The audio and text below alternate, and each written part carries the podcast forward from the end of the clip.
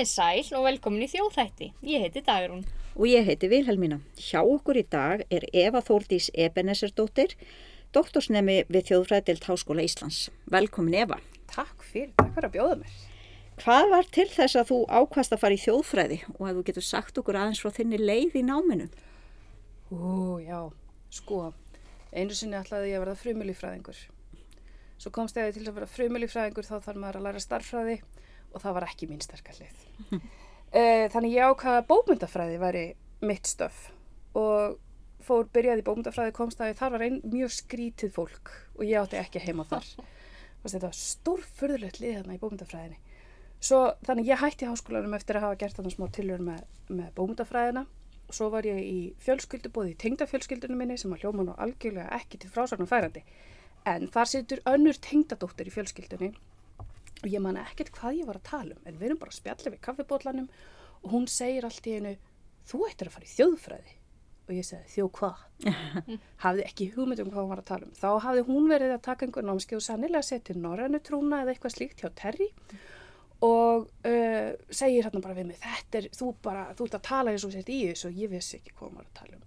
Þannig að ég fór að skoða þetta og komst að jú, þetta var eitthvað og þetta var svolítið spennandi. Og þarna var ég að vinna inn á landsbytala og hérna, ákvaða að prófa að fara í ingangin í, í þjóðfræðinni í fjarnámi með vinnunni.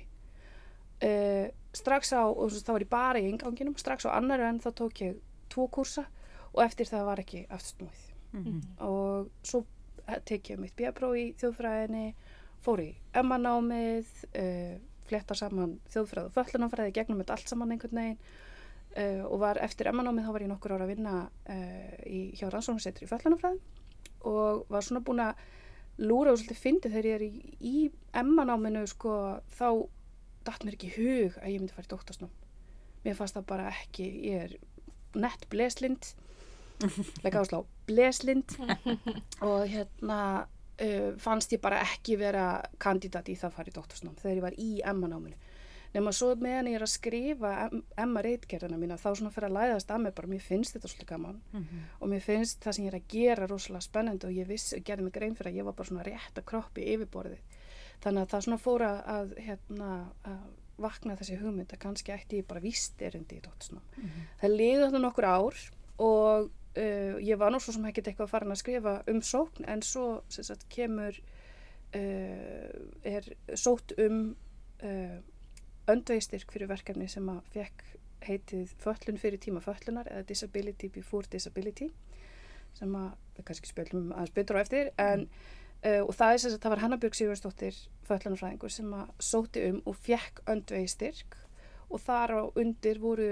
voru þryggja ára styrkir fyrir þrjá doktorsnema meðal annars einn í þjóðfræði. Mm -hmm. og þá var þetta náttúrulega ekkert spurning lengur. Þannig að var bara komin styrkur fyrir eiginlega akkurat því sem að mér langaði að gera.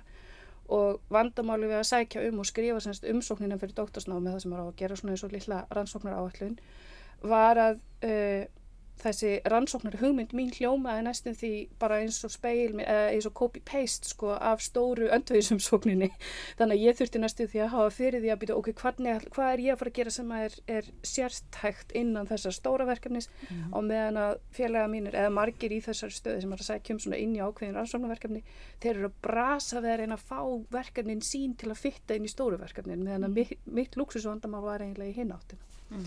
þannig að svo byrjar það og uh, nú kom nút bók og ég er nú svo sem ekki búinn en uh, dóttorsverkefni mitt sem sagt í rauninni heyrir undir og er hluti af þessu stóra rannsóknarverkefni mm -hmm. og allar mínar greinar og allt mitt efni náttúrulega er það líka mm -hmm. þannig að þó að styrknum sé uh, lokið og verkefninu formlega lokið þá er, er þetta samt svona ákveðin reglíf mm -hmm. sem að, og svo held ég bara áfram þannig að Einmitt. Ef við fyrir maður tilbaka Já. lengra að hérna, þú sagðir einmitt, þú hefur alveg í gegnum B.A. og M.A.námið og allt saman mm. verið að tengja saman þetta föllunarfræði, sjónarhóttn og þjóðfræði sjónarhóttn, ekki satt. Jú. Í B.A.ritgerðin þá byrjar að skrifa um umskiptinga. Já.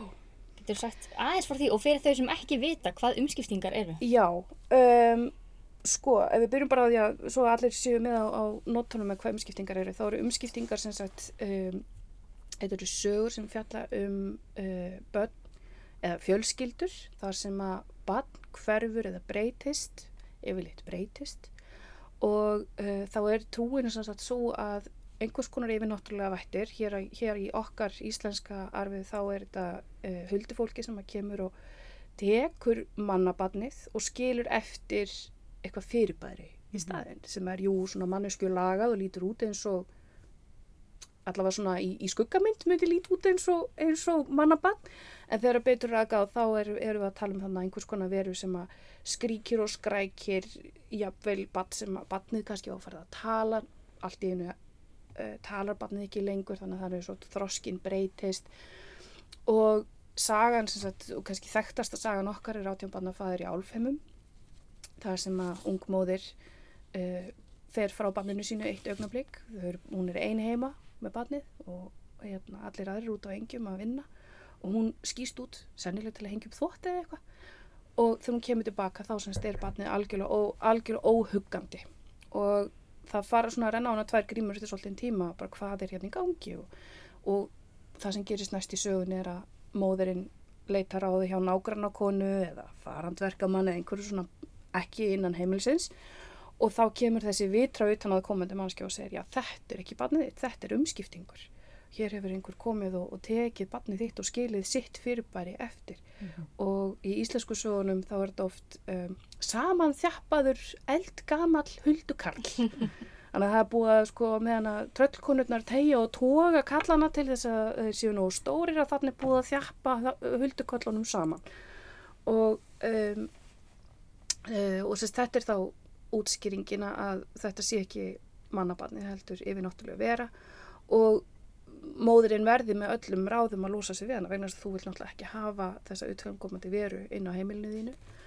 Og það sem að móðurinn í áttabandanföður í álfumum gerir samkvæmt að ráði nákvæmlega konar er að hún setur lítinn pott á eldskóluð tekur sleif og svo mörg sköft og bindur saman. Þannig að það verður til svona sko margra örgla þryggja metra sleif setur hana í pottin og bindur hann upp þannig að hann er svona standi í pottinum. Svo setur hún umskiptingin eða badnið eða hvað við erum með fyrir við pottin og svo fer hún og félur sig.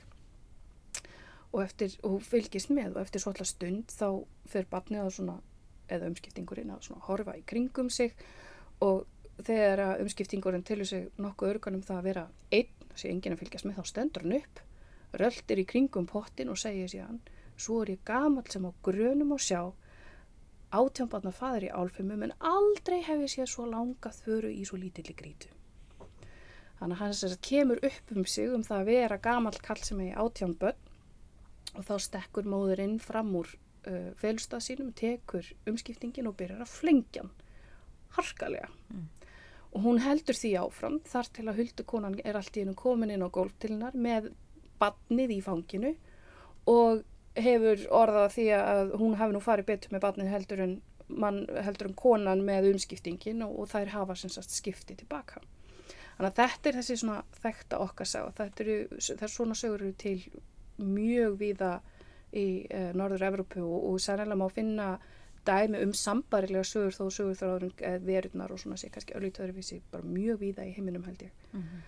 Og um, ég syns að hafði rekist á strax aðna í inganginum það var eina skipti sem ég mætti að því ég var nú í fjarnámi, það var eina skipti sem ég mætti í tíma að þá við sér svona klassist ingangsverkefni sem var að fara að finna eina fræðegrein í fæinu og kynna hana í tíma með glærusjóðum um prompi og prækt og þarna var ég búin að vera uh, meðal annars í hérna, fórsvari fyrir uh, hérna, unglegarhefingu sjálfsbjörgar búin að vera svona svolítið í svona smá unglinga grassrótar starfi og ákvað þarna, bara fæingunni þá fljóðu í höfuði, kannski að því að við erum búin að vera í þessum aktivisma, að sjá hvað myndi gerast þegar við myndi slá inn disability og folklór saman inn í svona þessar stóri leitavélar sem kemst í alla greinarnar og þetta er 2007 og það kom ein grein mm -hmm. í dag myndi sannlega koma aðeins fleiri en ekkert eitthvað engin haugur en það kom ein og ég stökk á hana, tók þessa grein og uh, kynnti hana þarna í tíma. Og þá var ég, einlega, þá var ég komin á bræðið mm.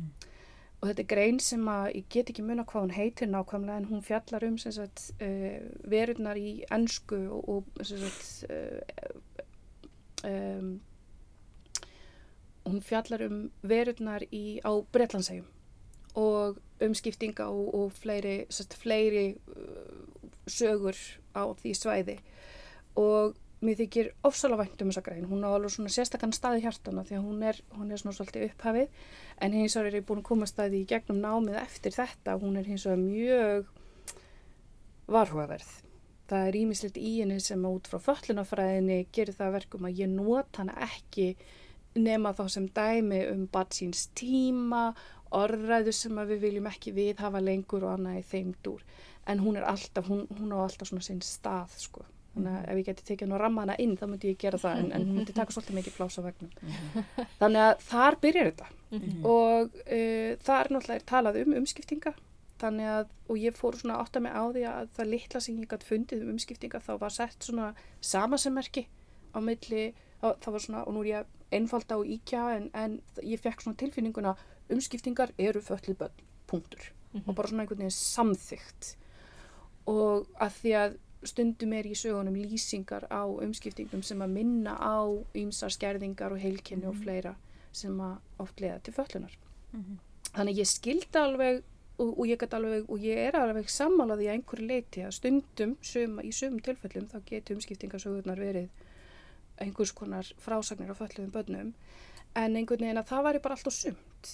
Það, það böggaði mig. Mm -hmm. Þannig að markmið með björreikinu var í raun að taka punktin af og segja ok, ef umskiptingar eru fölluböðn, af hverju? Af hverju umskiptingar, hvað annað er að gerast í þessum sögum og svo framvegs. Og niðurstaðan úr því var í rauninni að sagan fjalla miklu meira um fjölskyldun og samfélagið, móðurina, hennar viðbröð heldur við nokkuð tíman batnið.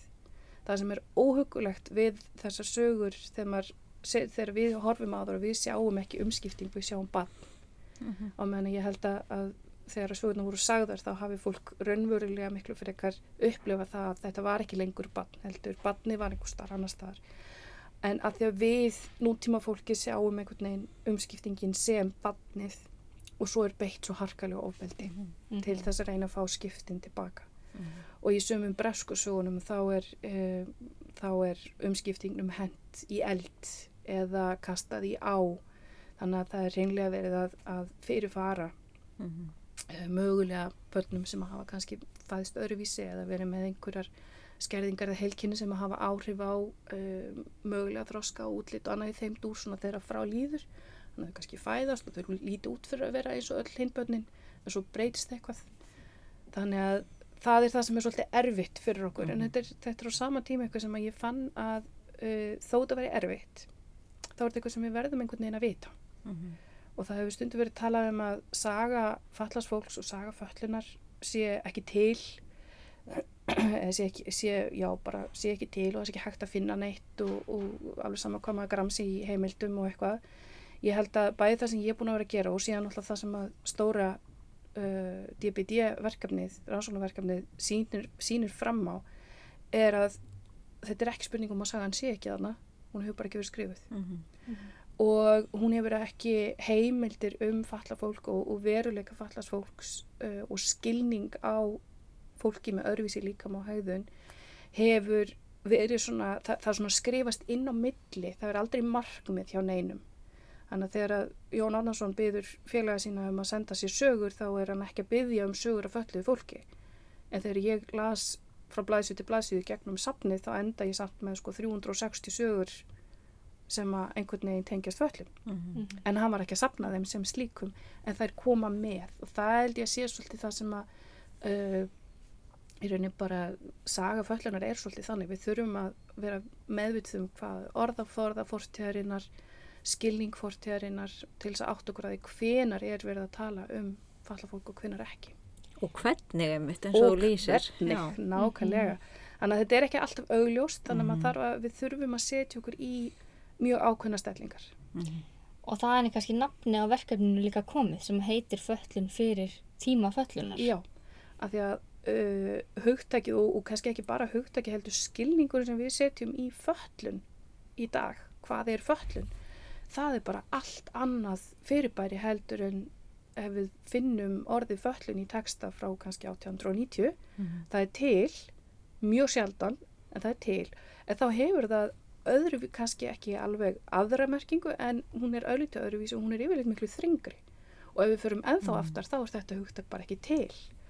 Og svo er líka ákveðin svona uh, svo þarf maður að svona átta sig á því að, að til dæmis orðaforði sem að við viljum alls ekki heyra í dag eins og til dæmis að, að tala um fólk með þróskahömlun sem vangi við um,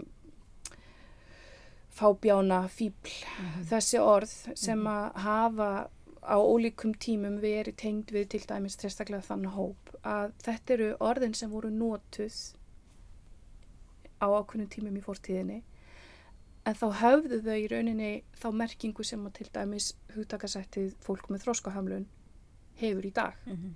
Þannig að það er voru auðvelt að verða reyður út í fórstíðina því það er verið að nota mm niðrandi orðalag. Mhm. En við verðum að muna að samhengið er annað og þekkingin er önnur þannig að niðrandi orðalag dagsins í dag er uh, sko samþygt og jafnvel bara hefur enga niðrandi tengingar sem slíkar þegar það er í nótkun í fórstíðinni. Mhm. Og þetta er dans sem maður þarf að vanda sig við og, og við þurfum að vanda okkur að bæði skoða og síðan hvernig við tölum um það í dag.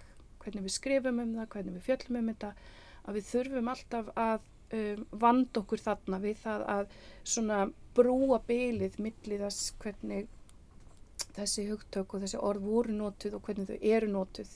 Þannig að við getum skoða þau í sínu rétta samhengi og, og sínu réttu merkingu í fortíðinni.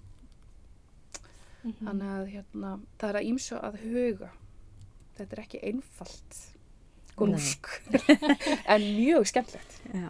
Já, ummitt. Þetta er mjög spennandi, mjög áhugavert. Og þú ert náttúrulega núna í verkefninu, þú ert ennþá skoð þjóðsögur, Mm -hmm. en núna miklu breyðari og fjölbreytari hóp sagna kannski heldur en...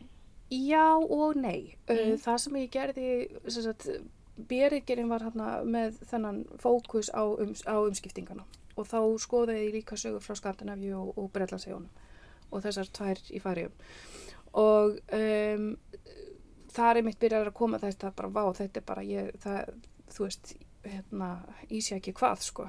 Og hérna um, þannig að fyrir emmareitgerðina þá notaði ég sagnagrunnin sem er þessi frábæra vefsíða.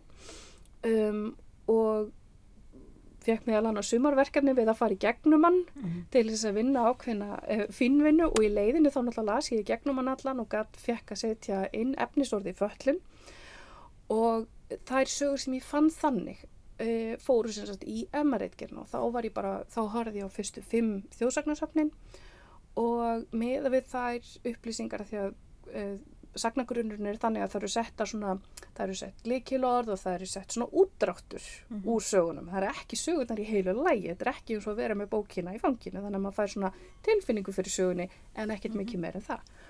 Út úr þessu fæ ég úr fimm fyrstu þjóðsagnarsöfnunum uh, um 120 sögur og ég vissi að það væri, þetta væri mjög göttótt, þetta, þetta var ekki einu sinni sko gata sikti, þetta var, þetta var hérna stórfiskanett með stórum möskvum Já. og ég gerði mér alveg grein fyrir því þannig að, uh, og þá sem sagt not, tók ég þessa sögu sem ég fann þarna, fór svo fann þar í bókonum og, og gerði svona greiningu á því hvers konar skilning væri að finna í þessu efni. Uh, þegar ég síðan fyrir að stað með doktorsvitkjörna, eða doktorsrannsóknina, þá hugsaði ég, ok, ég get tekið þessi sömu fimm söfn, nema í staðin fyrir að lesa í sagnagrunninum, þá ætla ég núna að opna bókina Mhm. Og bara byrja á blæsið eitt og bara lesa fyrstu sögnin og svo næstu og næstu og næstu og næstu. Og svona, því það er það sem að kona gerir, þá tók ég náttúrulega Jón Adnarsson fyrstan. Það er fyrsta stóra safnið, þannig að ég náttúrulega bara settist með kaffibólla og, og bókin upp í sófa, já, mynd af tánum á mér með það sem að sést í lappirnar á mér, kaffibóllan og bókina og alla, alla litlu bleðlana sem ég stakka inn í sem bókamerki og ég bara byrjaði að lesa. Og svona aðferðafræði mín er í rauninni svolítið bara að lesa textan og hvað sé ég, er verið að fjalla um fólk sem er öðruvísi, er verið að fjalla um fólk sem er jaðarsett eða einhvern veginn sett á stall eða til hliðar eða eitthvað slíkt af því að það hefur öðruvísi líkama eða hegðun eða eitthvað í þeim dúr sem við í dag svona tengjum einhver leiti við uh, hinnar ímsu skerðingar. Og þetta er mjög svo byggt bara á svona ákveðin tilfinningu minni gafkvært mínum eigin líkama og minni eigin reynsla af því að vera mannskip með öðruvísi líkama í samfélaginu og svona bara minni þekkingu og tilfinningu fyrir því hvað það þýðir að vera öðruvísi eins og segi bæði minni eigin og svo kannski svona uh, því sem að ég þekkja frá fólki sem ég þekki sem er með aðra skerðingar heldur en ég Mm -hmm. Þannig að þetta var mjög svona líkamlegt og persónulegt ferli að lesa í gegnum Jónátna. Og þegar ég er búin að fara í gegnum Jónátna og það er samt með því að sleppa æfintýrunum og útilegumannasögunum, svona til þess að reyna að halda einhverjum, einhverju kontróli á magninu, að þá endaði ég með 360. Mm -hmm. Ég var sérst með 120 úr fyrstu 5 söfnunum Mhm. í gegnum sagnagrunin og þarna endaði ég með 360 cirka bát Mm -hmm. úr Jóni einum saman. Já. Og þetta tók mér náttúrulega miklu lengri tíma heldur en ég hafði reknað með því jú, ég vissi að það var meira þarna heldur en ég, eh, meira heldur en ég vissi um en þetta var svona þrefalt á við það. Og þá settist ég niður með leifinandanum mínum og sagði ok, ég get haldið áfram að lesa næsta safn og enda með eitthvað svona, þú veist, hlutvarslega sambærlegt og svo áfram. Og þá verður þetta allt saman rosalega yfirbóskent eða þá ég stoppa hérna fókusa á sögurnar sem eru í Jóni Átnarsinni og er þá búin að búa til aðfyrirfræði og nálgun sem að ég get mögulega áfram nýtt setna á önnur og yngri sagnarsöfn og við vorum sammála um að, gera það þannig þannig að fókusin er á Jóni Átnarsinni Mm. fyrir utan það að ég er með einn spurningalista úr þjóðháttasafninu líka. En þetta er einmitt áhugaverð hérna, aðferðfræði sem segir að með bara glerugum nútímans. Já, og því sem við svona núna kallum föllunafræði og, og, og þeim svona sjónamöðum sem þar er holda á lofti og þinni eigin reynslu að þá er þetta að líta á þessar, þessar sagnir sem Já. hafa hérna varðveist og, og þær segja okkur eitthvað um samfélagið, það ekki? Jú. Og samfélag síns tíma. þær gera það sannlega og náttúrulega eins og ég var að tala um á það þú veist að, að sko, jú ég seti upp þessi glerugu nútímans en ég er mjög meðvitið um að ég er Mhm. með þau og ég er mjög meðvitið um sko alla nútíma þekkinguna sem að var ekki til og ég má ekki nota hana til að dæma. Það er það sem ég var að tala um með, Mhm. með orðalægið áðan. Og það er mjög uh, þessi, það, maður þarf að vanda sig þar. Og það uh, kom í ljósa að við þau, og, það var mjög gott í byrjun stóra DPD-verkefni sem fyrir okkur dóttorsnefnana þrjá. Þess að ég og svo dóttorsnefni í, í sagfræði annarsvegar og, og forlegafræði hinsvegar að við töluðum okkur mikið saman um það hvernig við færum að því að bæði vera með og losa okkur við þessi Mm. nútíma glerugu til þess að geta tekið hlutunum eins og þeir voru án þess að dæma þá. En samt getum við ekki gert þetta nema með allri þessari nútíma þekkingu þannig að þetta var óbúslega gott að hafa þann stuðning innan þessa verkefni stóð við kemum úr ólíkum áttum. En það sem við erum að sjá er uh, skilningur sem er öð, svolítið öðruvísi heldur skilningurinn okkar í dag. Um, skilningur sem að, að mínu mati er eitthvað sem við gæt ættum í rauninni að færa okkur aðeins til, að aftur á ákveðin hátt.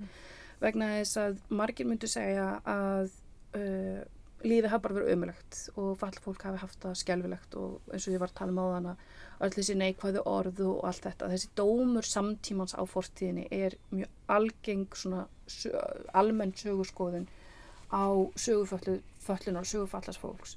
En það sem kemur í ljós er að þetta er ekkert svart og hvítt nýtt fyrir hverju nútíminn. Þannig að það sem að við erum að berjast fyrir í dag það byrjaði ekki bara í fyrra dag við sjáum rætur á mjög mörgum viðhorfum uh, til dæmis um uh, að líkami sem að lítur öðruvísi út hann segja okkur eitthvað um inn, innræti manneskunar um, í, á 20. öldinni þá svolítið verður það ákveðin skrimslavæðing þannig að það verður uh, það svona helst, þetta er svona hin hliðin á, á, hugt, á frasanum heilbrisáli, nei hvernig er það?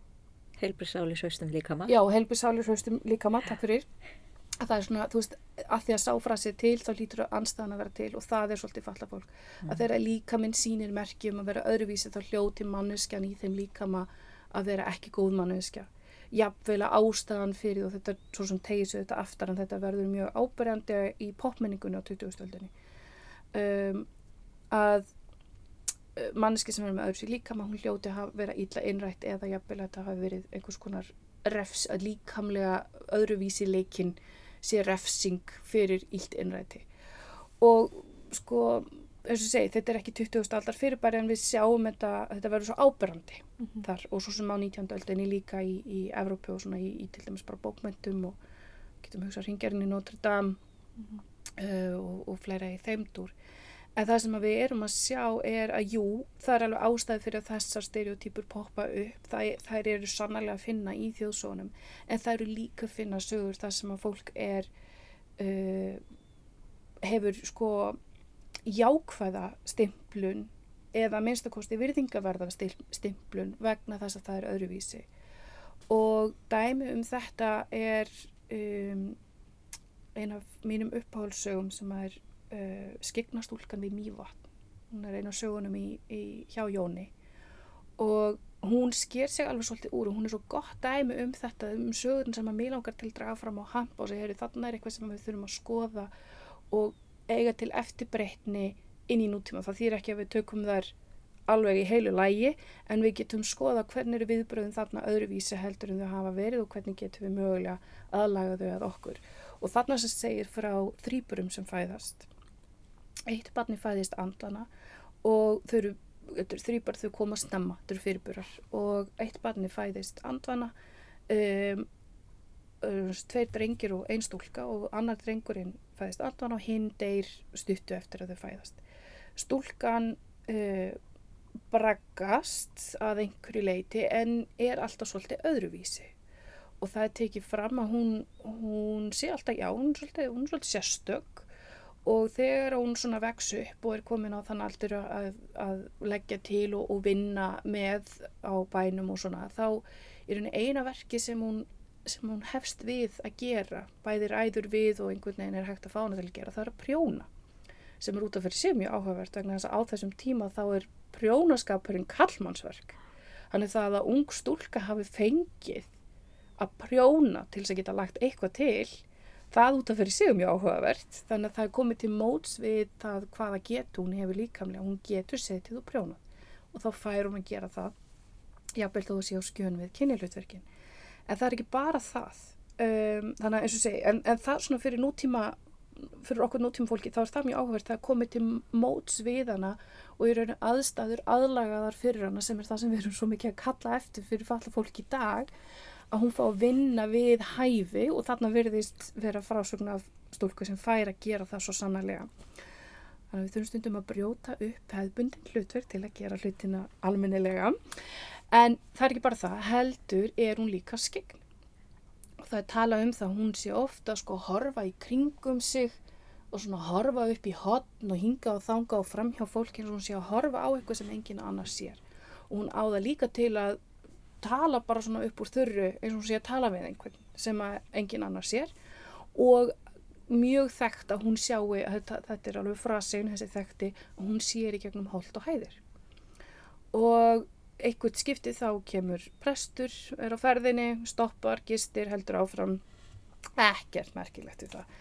Nefn að svo nokkrum, hvort það var dögum eða vikum segna, allavega stuttu síðar, þá allt í einu stoppar þessi stúlka við prjónaskapin sin og segir, æ, er hann sér að Jón út á henn? Mm -hmm.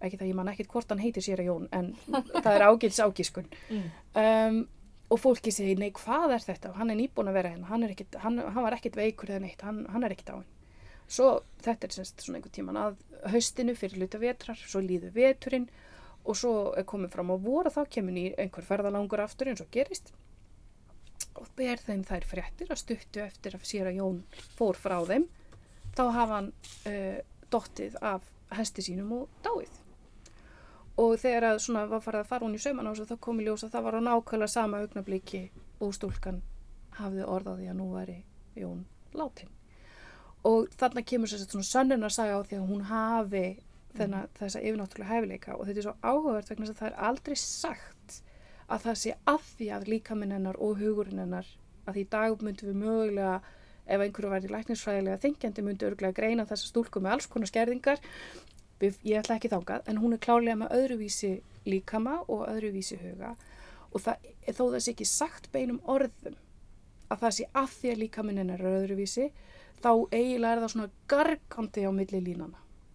Að það sé einhver tenging við það að hlut hef ástæðinu fyrir því að hún hefur þessa aðra sín, þessa yfir náttúrulega sín sé að því að hún er öðruvísi eða öfugt. Og hún er fyrir vikið og hún er svona gott dæmi um þetta, hún er ákveðin litu jáðarsett, hún er öðruvísi, það er komið aðeins öðruvísi fram við hana af ákveðinni óttablandinni virðingu. Það er ekkit endilega auðvelt að fá óttablandna virðingu en það er samt betra að fá óttablandna virðingu heldur en vannvirðingu.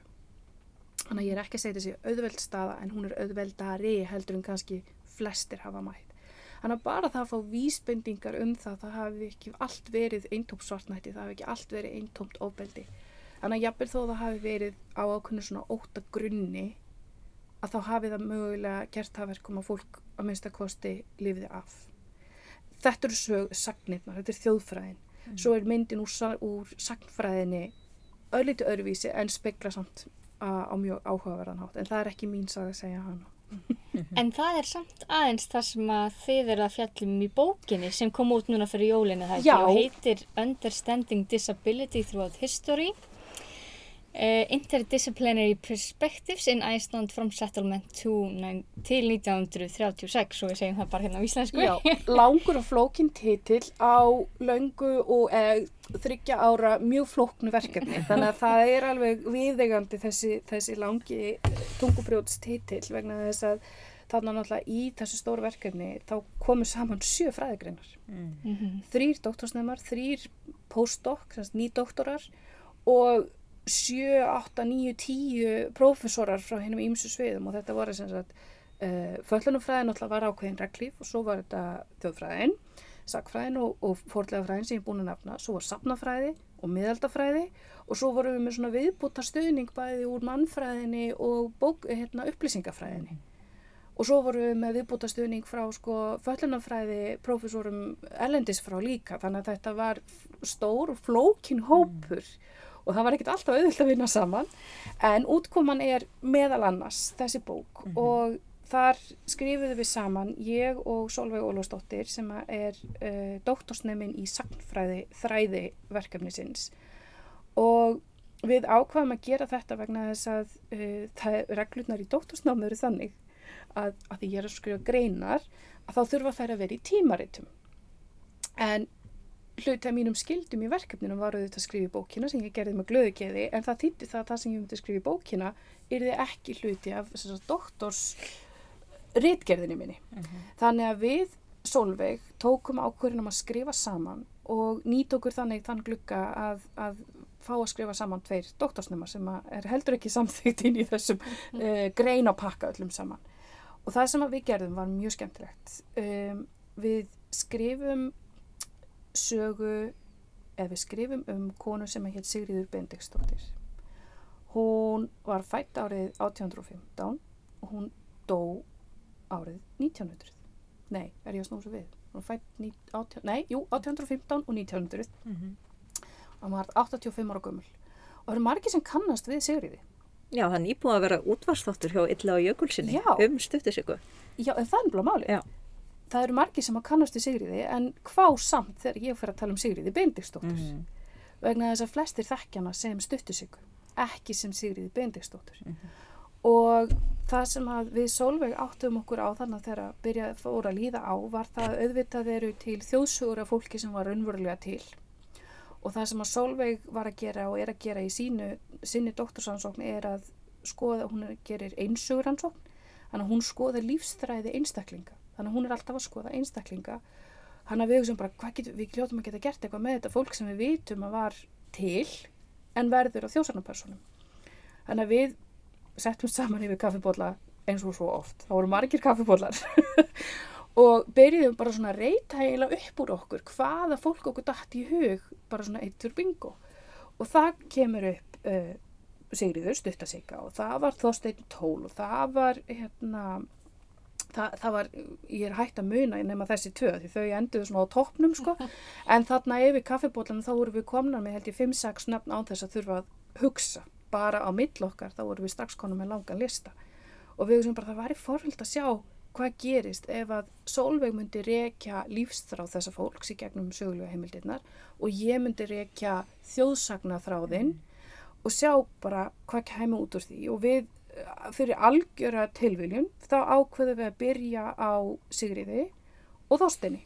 Mm -hmm. Og við vorum með mitt spurðar að því á einum fundi innan verkefnisins af hverju við hefðum valið þessi tvö.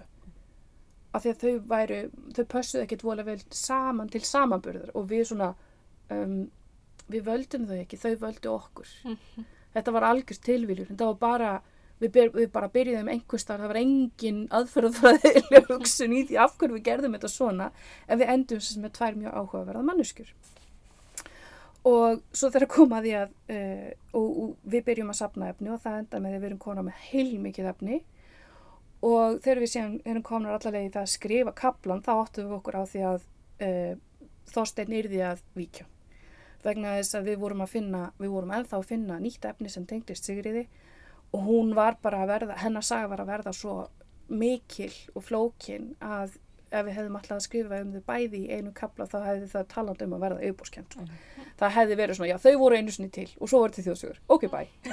það hefði svona valla komist lengra en það. Þannig að, og við nálgumst þau uh, á hátt sem að mörgum fannst sérstakt og að við uh, unnum með efni þeirra framan af og svo sigriðar í áframhaldinu Við tölum alltaf um að við værum fjögur í þessu rannsóknateimi í kringum þetta tiltekna verkefni. Það væri sérst ég og Solveig og svo væru Sigriður og Þorstein. Það vildi bara þannig til að helmingurinn og rannsóknateiminu væri löngu döður. Hm. Það væri hins vegar ekki okkar, veist, það er ekki okkur að kenna og, og við vildum ekki að það hefði áhrif á rannsóknarferðlið. Og þetta, fólk náttúrulega hlóaði þessu allt þetta, nema við, okkur var fúlast alvara. Sáum fram á það að við fengjum ekki að hafa þau sem með þjófunda þannig að við þurftum að finna einhver leið út úr því. Og svo sögðum við þegar við vorum komna í það að Þorstein yrða vikja þá sögðum við að við hefðum vinsamlegast beðið Þorstein um að, að hérna, senda honum sterk skilabóð við erum ennþá að leita að miðlum til að aðstóða okkur í þessum samskiptum. Að beðja hann og einsalast um að stíða til hlýðar vegna þess að hennar saga er við þurfum að fá að segja hana fyrst. En fyrir fólk sem að þekkir ekki hennar sögur Já, já nákvæmlega, ég er að reyna að komast okkar, ég er að tala alltaf með þér um, en sem sagt uh, kannski ástæðan fyrir ég er að tala um þetta er að þarna kom líka þetta með sko þetta, þetta siðfyrlega sjóna með mm -hmm. að vinna með fólki sem að var jáðarsett og við vildum í rauninu vinna með þessar sögur eins og það er unni með uh, fölluðu fólki í dag mm -hmm. þannig að það var það sem við vorum að gera með þessu þannig að það var uh, hlutin sem var ekkert grín og við gerðum þá, heldum þá út og, og sigga átti kaffibotla í glugganum hjá mér í eldhúsinu þangar til að bókinu var komin í hendunar á mér. Og okkur, við alveg svona upplifum, leiðum okkur að upplifa það að hún væri alveg með okkur. Sigga, við tölum um Sigriði eða Siggu. Og svo tölum við um stuttusiggu þegar við erum að tala um sögurnar sem koma eftir á. Hún er sérst fætt hann á 1815 í Flöguseli sem er í uh, hérna, er fyrir norðan í að Jésús minn. Allt í hennu fór öll landafræði mín. Hún er basically fætt hinnum með yfir hraundrangana það er svo gamla að segja frá því þannig. Þannig að bærin sem hún er fætt á er sko sannlega þau staðið á, á hlaðinu að þá horfur beint upp á hraundrangana fyrir norðan. Og það er sko hinnum með við en ekki það þjóðvegar megin. Uh, hún er fætt þar og inn í fjölskyldu það sem er mikil fátak og það er mikil ofbeldi uh, og mikið harræði og við erum að tala um harræði sem að árið 1820 er þess eðlis að yfirvöld á þeim tíma hafa gætur á fjölskyldunni. Og greipu inni á tímabili. Ham. Og greipu inni á og tímabili. Og greipu inni. Uh -huh. um, þannig að við erum ekki bara að tala um einhvern horror eða ofbeldi á okkar mæli hvar það heldur fyrir öllum þessum tíma síðan. 1820. Uh -huh. Þannig að, og það endar sérst með því að vil grípa henni og brjóta heimilið upp og hún, það eru, það eru sögur af því að hún hafi, pappinar hafi, um, hún hafi handlegsbrotna því að hann hafi kastað henni utan í vegg til dæmis. Hún var, hún talaði öðruvísi og það er í sögunum, bæði í sögnunum og í ofinböru heimildunum þá talaði um að hún hafi verið málhöld við Solveig vorum alltaf að, leika okkur að, að koma nútíma tungutakinu okkar inn þannig að við tölum um það hún sem öðruvísi líka hún talar öðruvísi, -hmm. hún lærði öðruvísi, hún var ekki treg á við heldur, hún hafði bara aðra leiðir til að læra en hún á mjög erfitt og á mjög erfið að æsku og hún uh, þegar hún vex þá kemur ljósa hún er mjög lágvaksinn og er þess að köllu stuttasika líkunar að sennilega hefur það verið fyrst og fremst vegna fyrir næringaskort í æsku frekar heldur hún hafi verið með dvergvöxt eða eitthvað í þeimdúr. Já, er ekki sagt að hún hafi fyrstu fimm árin þróskast eðlilega og, jú, og svo hafi... Jú, sem er náttúrulega líka þessa Þetta, einmitt, klassísku, klassíska þjóðsagna element sko að eitthvað gerist og Mhm. það er einmitt um þetta leiti sem að hún kannski verður fyrir, sem mest líklega fyrir barðinu á ofbeldi og, og slíku. Þannig að hún sem sagt er mjög lágvaksin og er alltaf köllu stuttasega og þegar hún fullorðnast og hún fær til dæmis ekki fermast með jafnöldurum sínum og það er vegna þess að á þessum tíma þá er ætlast til þess að til þess að geti fermst þá þarf þetta að kunna hverið sem var þetta hérna, lærdómsrit um, um hérna, trúna, þú þurftir að kunna það utan að. Og að því hún talaði öðruvísi og kannski að því hún lærði, tók upplýsingar inn svolítið á annan hátt heldur en aðrir að þá gat hún ekki gert þetta og hún fær ekki fermast og fermingin á þessum tíma er óbúslega mikilvæg vegna þess að þegar við segjum í dag, já velkomin í fullorðan manna tölu við nýfermt, hérna, nýfermda unglingana og við segjum þetta glottandi í dag en þetta var raunveruleikin á þessum tíma. Þetta var hinn raunverulega viksla inn í fullorðin samfélagið. Þannig að ef þú varst ekki fermt, þá varst ekki fullorðin. Og uh, þannig að hún fermist ekki. En er einhvern veginn, hún er niðursetningur á bæjum og henni helst ítla á þegar hún svona vexa eins meira þá í rauninni endur hún á því að flakka svolítið milli, á, mikið á milli bæja. Bæði sem sagt, hún hefur heimilsfesti ólíkum stöðum þannig að það er greinlegt að hún er á, er á uh, uh, sagt, sveitin ber hana uppi og, og bæirni skiptast á að hafa hana í cirka bát ári einu en svo eru sögurnar það að hún hafi verið á flakki þannig að hún lappar mikið á milli þannig í sveitinni og svo er það þegar hún er um þrítugt sem að prestur sem að þá var nýkomin á svæðið er eitthvað hittir hann og er að tala við hana.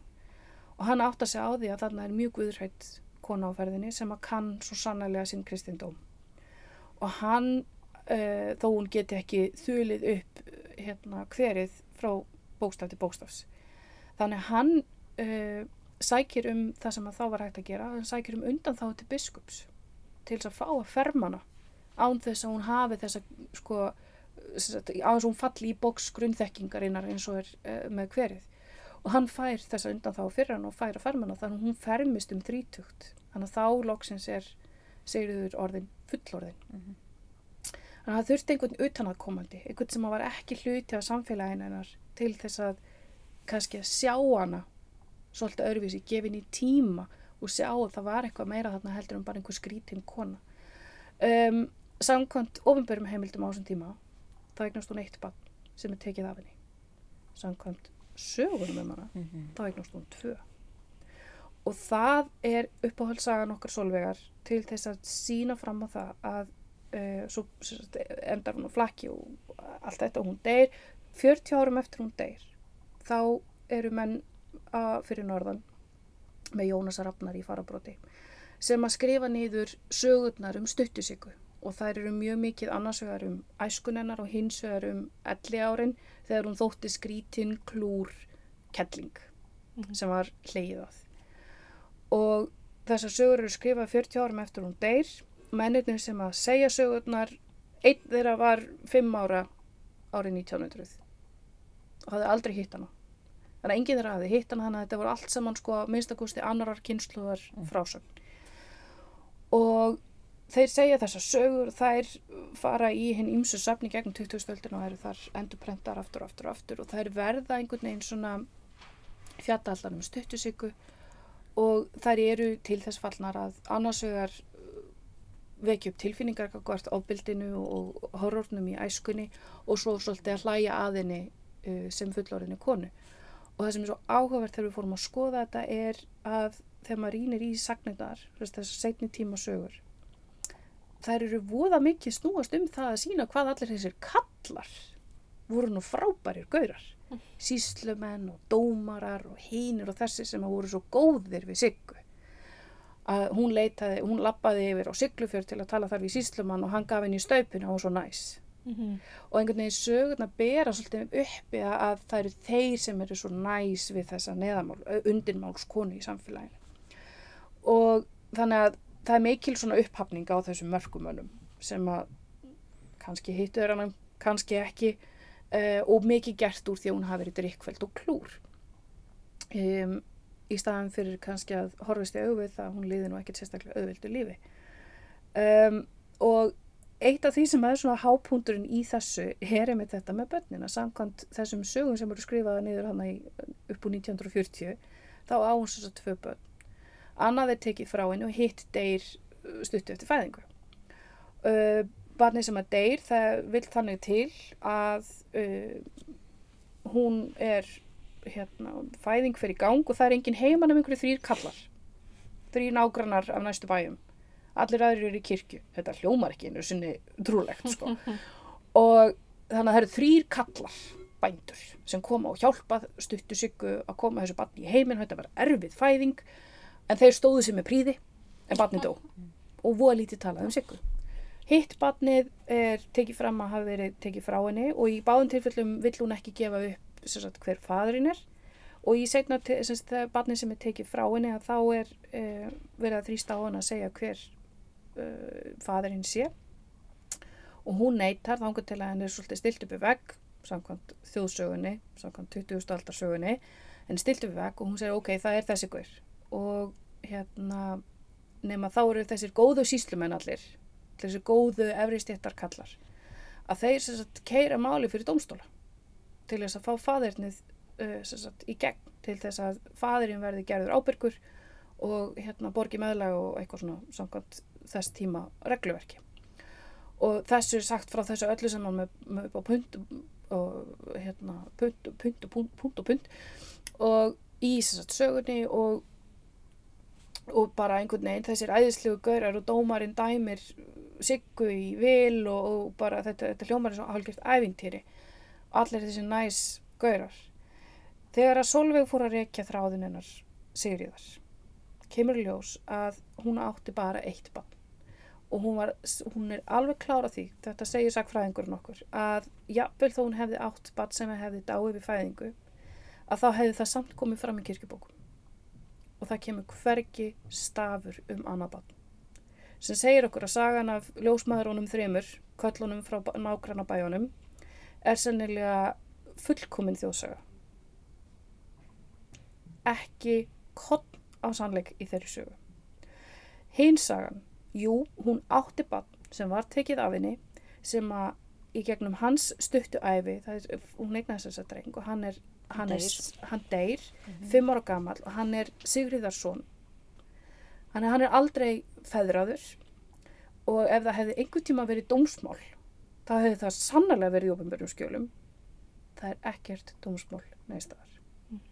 og það sem okkur finnst svo skemmtild við þetta þó þetta sé pínlítið skjálfilegt einhvern veginn að horast þá í augu hver var þá raunveruleikin er að sögurnar sem að hefur svolítið verið lítið á sem alþýðu sagnfræði í 20. aldanar, alþýðilegan fróðleik og, og svolítið stundu verið að horta á sem svona að það sé tölverður fótur fyrir þetta er bara tölvert mikið bara fullkomnar þjóðsugur bara þjóðfræði sko í, í sinni skærustu myndum sem að segja mm -hmm. með eiginlega engan sannleik um æfi fólksinn sem við fjallaðum þannig að það sem að það eru frekar að segja okkur er viðþorf 20. aldarinnar það sem er verið að hampa þessum efri mönnum og það er ekki mikið gert úr æfi konunar, það er ekki mikið gert úr þjáningum hennar eða jæðarsetningu, föllum og svo framvegs. Þetta eru hetjusögur af köllum um meðja 20-stöld og þetta eru síðan sögur sem eru uh, endur teknar án þess að breyta þið mikið í gegnum 20-stöldina byrt aftur og aftur í tímaritum og, og dagblöðum fyrir norðan uh, og akkurýri og þar í kring. Og þetta er næstu því svona copy-paste en umhverfið og samfélagið náttúrulega er að breytast í gegnum 2000-öldina þannig að viðþorfin er að breytast. Og svo magna þegar ég var að fara í gegnum þetta. Ég var búin að lesa þessar sögur 300 sinum alltaf að finna sömu söguna aftur og aftur og aftur, sami textin aftur og aftur og aftur. Svo er ég að lesa enn eina útgöfuna af þessu sem að koma út í dagblæðinu Degi á Akureyri 1991 og ég lesi gegnum þá útgöfu og ég allt í hennu finn ég verður svona brjálaðislega reið það svona bublar upp um, mér langaði bara til að standa upp og, og kíla vekk og ég hugsaði bara, wow fræðikonan í mér alveg svona snarstoppaði bara, hvaðan kom þetta? Þetta er sami textin hvað er í gangi, af hverju er ég alltaf að fá einhver svona massíf tilfinningaviðbröð svo fatt að ég það. Árið 1991 er ég nýjára nýflutt frá Akureyri til Reykjavíkur. Þannig að þarna er sagan af Siggu, það sem er leið af henni, það er gert grínað henni á hennar kostnað, gert grínað uh, líkamannum hennar og hún er alltaf henni komin inn í minn raunveruleika. Þannig að það er alltaf henni ekki bara verið að gera grínað Siggu og hann er enga veginn lengur í rauninu hægt að segja það verið að gera grínað Sigriði vegna þess að sagan er hægt að snúast um Sigri, hún er fann að snúast um eitthvað annað. Hún er fann að snúast um að gera grínað fólki með öðruvísi líkama og á þessum tíma þá er það ég.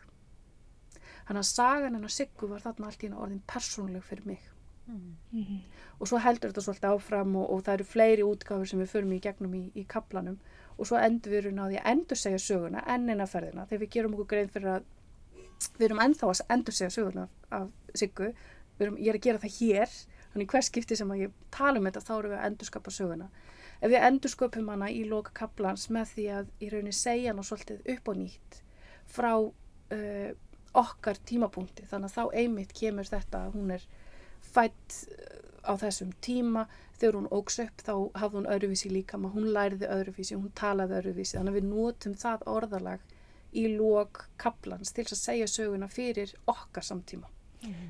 En einmitt að því að þið endið af að segja hérna út frá samtímanum í mhm. rauninni Já.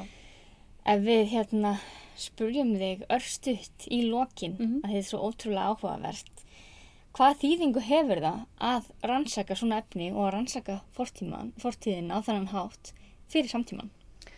Skiptir öllum máli og uh, mitt uppáhalds hérna, mín uppáhalds tilvittun þegar kemur á þessar spurningu því ég hef nú feikið hérna nokkur sinnum kemur frá uh, hérna fantasíuhöfundinum Terry Pratchett og ég ætla að segja þetta á íslensku vegna þess að ég get aldrei munið þetta nákvæmlega á ennsku en hann sagði í nokkurum útgáfum í, í fleirin eitt og fleirin tvö skipti uh, bæði í bókunum sínum og í viðtölum og slíku að það væri svo, og, og þetta er fantasíuhöfundur sem hann lagði miklu og var með mikla þjóðfræði og mikla rannsóknarvinnu á bakvið sögurnar sína, ég mæli hygglust með honum.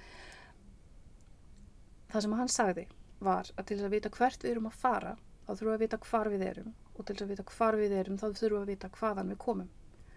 Og þetta speiklast svo í bæði mínum rannsóknum og hjá öllum hinum sem að tóku þátt í DPD-verkefninu að það sem við erum að finna og sjá er einmitt að við þór dagsins í dag, allt þetta sem við erum að berjast fyrir í dag, hvað sem það er réttindaborta fallast fólks eða annara minnlutahópa þetta byrjaði ekki bara fyrir einhverjum áratugum. Ræturnar að viðþorfunum liggja svo langt aftur og stundum höfum við kannski glemt einhverju sem við hefðum betur haldið í og haldið í eitthvað sem við hefðum betur glemt mm. og við vitum það ekki nefnum að fara tilbaka og skoða. Þannig að til þess að vita hvar við erum í bartunni þá þurfum við að vita hvað við komum. Vegna þess að við vitum það ekki þá hefur við ekki hugmyndum hvert við erum að fara og lendum definitely í vandræðum. Ég held að þessi frábær loka orð á þetta vittal Takk fyrir Eva Þórdís og takk fyrir, fyrir áhugaverða frásögn hérna af þínum rannsóknarverkefnum. Og við hugsaum öll hlýlega til Sigriðar Bendiktsdóttur Takk fyrir það. Takk fyrir að hlusta